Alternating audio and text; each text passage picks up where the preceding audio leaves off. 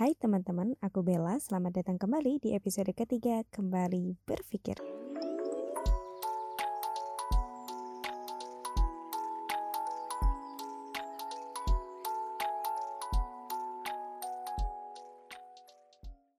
Belajar untuk mengenali diri sendiri tanpa memasukkan orang lain di dalamnya.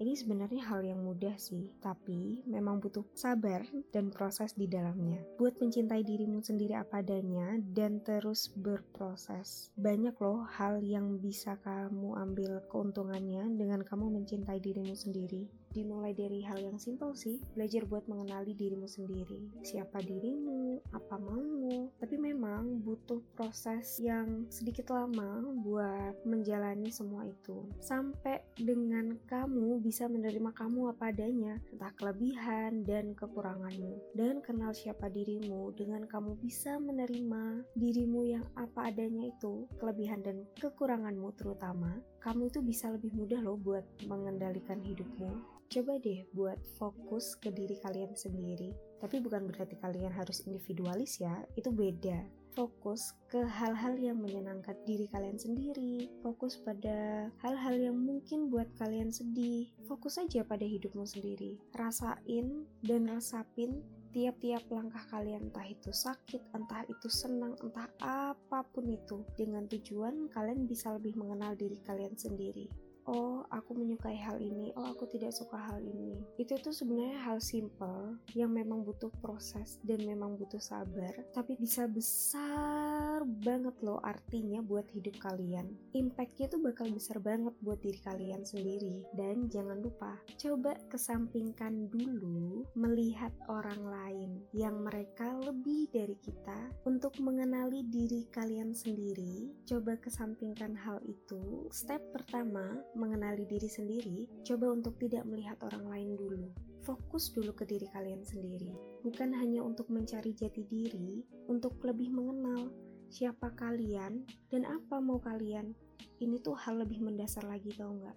Supaya apa sih? Supaya kalian juga bisa nyaman dan supaya kalian juga punya alasan yang kuat dalam menjalani hidup kalian. Dalam prosesku juga gitu, aku belajar untuk mengenali diriku sendiri dan menerima diriku apa adanya awalnya dulu aku tuh bener-bener jadi orang yang melihat orang lain banget. Karena aku gak pernah pede sama diriku sendiri. Aku ngerasa diriku ya emang paling buruk sih waktu itu. Sampai akhirnya aku capek-capek sendiri karena terlalu banyak melihat orang lain Ya sama seperti di episode sebelumnya yang udah aku bilangin, hidup orang lain itu memang terlihat lebih enak daripada hidup kita dan hidup orang lain itu terlihat lebih baik daripada hidup kita.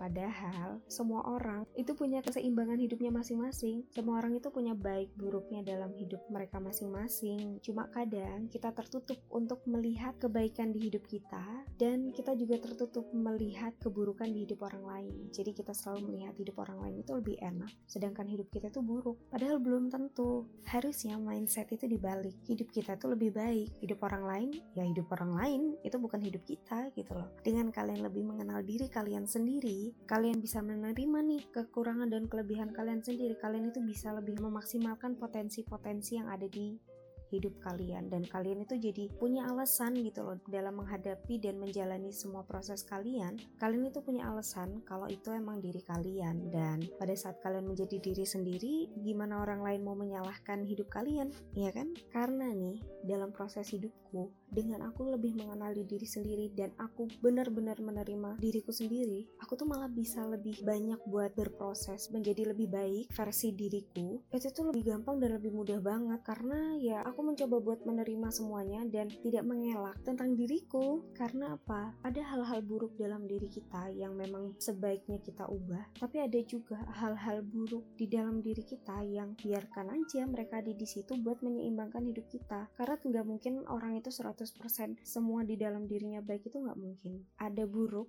yang fungsinya tuh buat menyeimbangkan diri kita dan belum tentu itu tuh benar-benar hal buruk. Itu hanya hal yang memang harus ada di dalam diri kita ya memang itu diri kita, that's okay menurutku. Coba deh kamu explore dirimu sendiri. Kamu kenali lebih dalam siapa sih dirimu, apa sih minatmu, apa sih hal-hal terpendam yang sebenarnya itu ada dalam dirimu dan itu tuh bakatmu yang kalau misalnya kamu dalami, itu tuh bisa menjadi sesuatu hal yang hebat buat kamu sendiri. Yakin, yakin, yakin, kalian itu pasti bisa deh kenal diri kalian sendiri, asal kalian itu mau buat berproses dan mau buat bersabar. Explore aja semuanya, coba cari hal baru. Apakah kalian menyenangi hal itu atau tidak? Jangan mau stuck di tempat aja. Buat mengenali diri kalian sendiri, kalian juga butuh banyak gerak nih. Kalian juga butuh melakukan hal-hal yang baru yang belum kalian lakuin. Nanti kalian tahu apa yang kalian suka, apa yang tidak kalian suka. Setelah kalian mampu buat mengenali diri kalian sendiri, kalian itu bakal lebih mudah buat bikin tujuan kalian.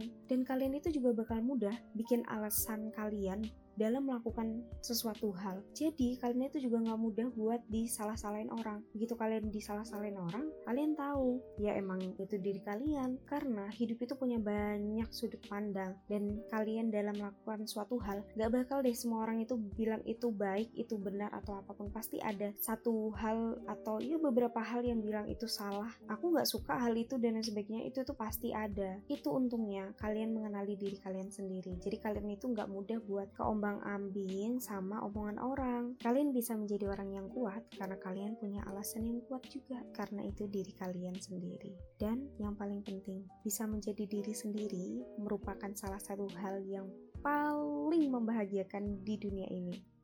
Rasain deh.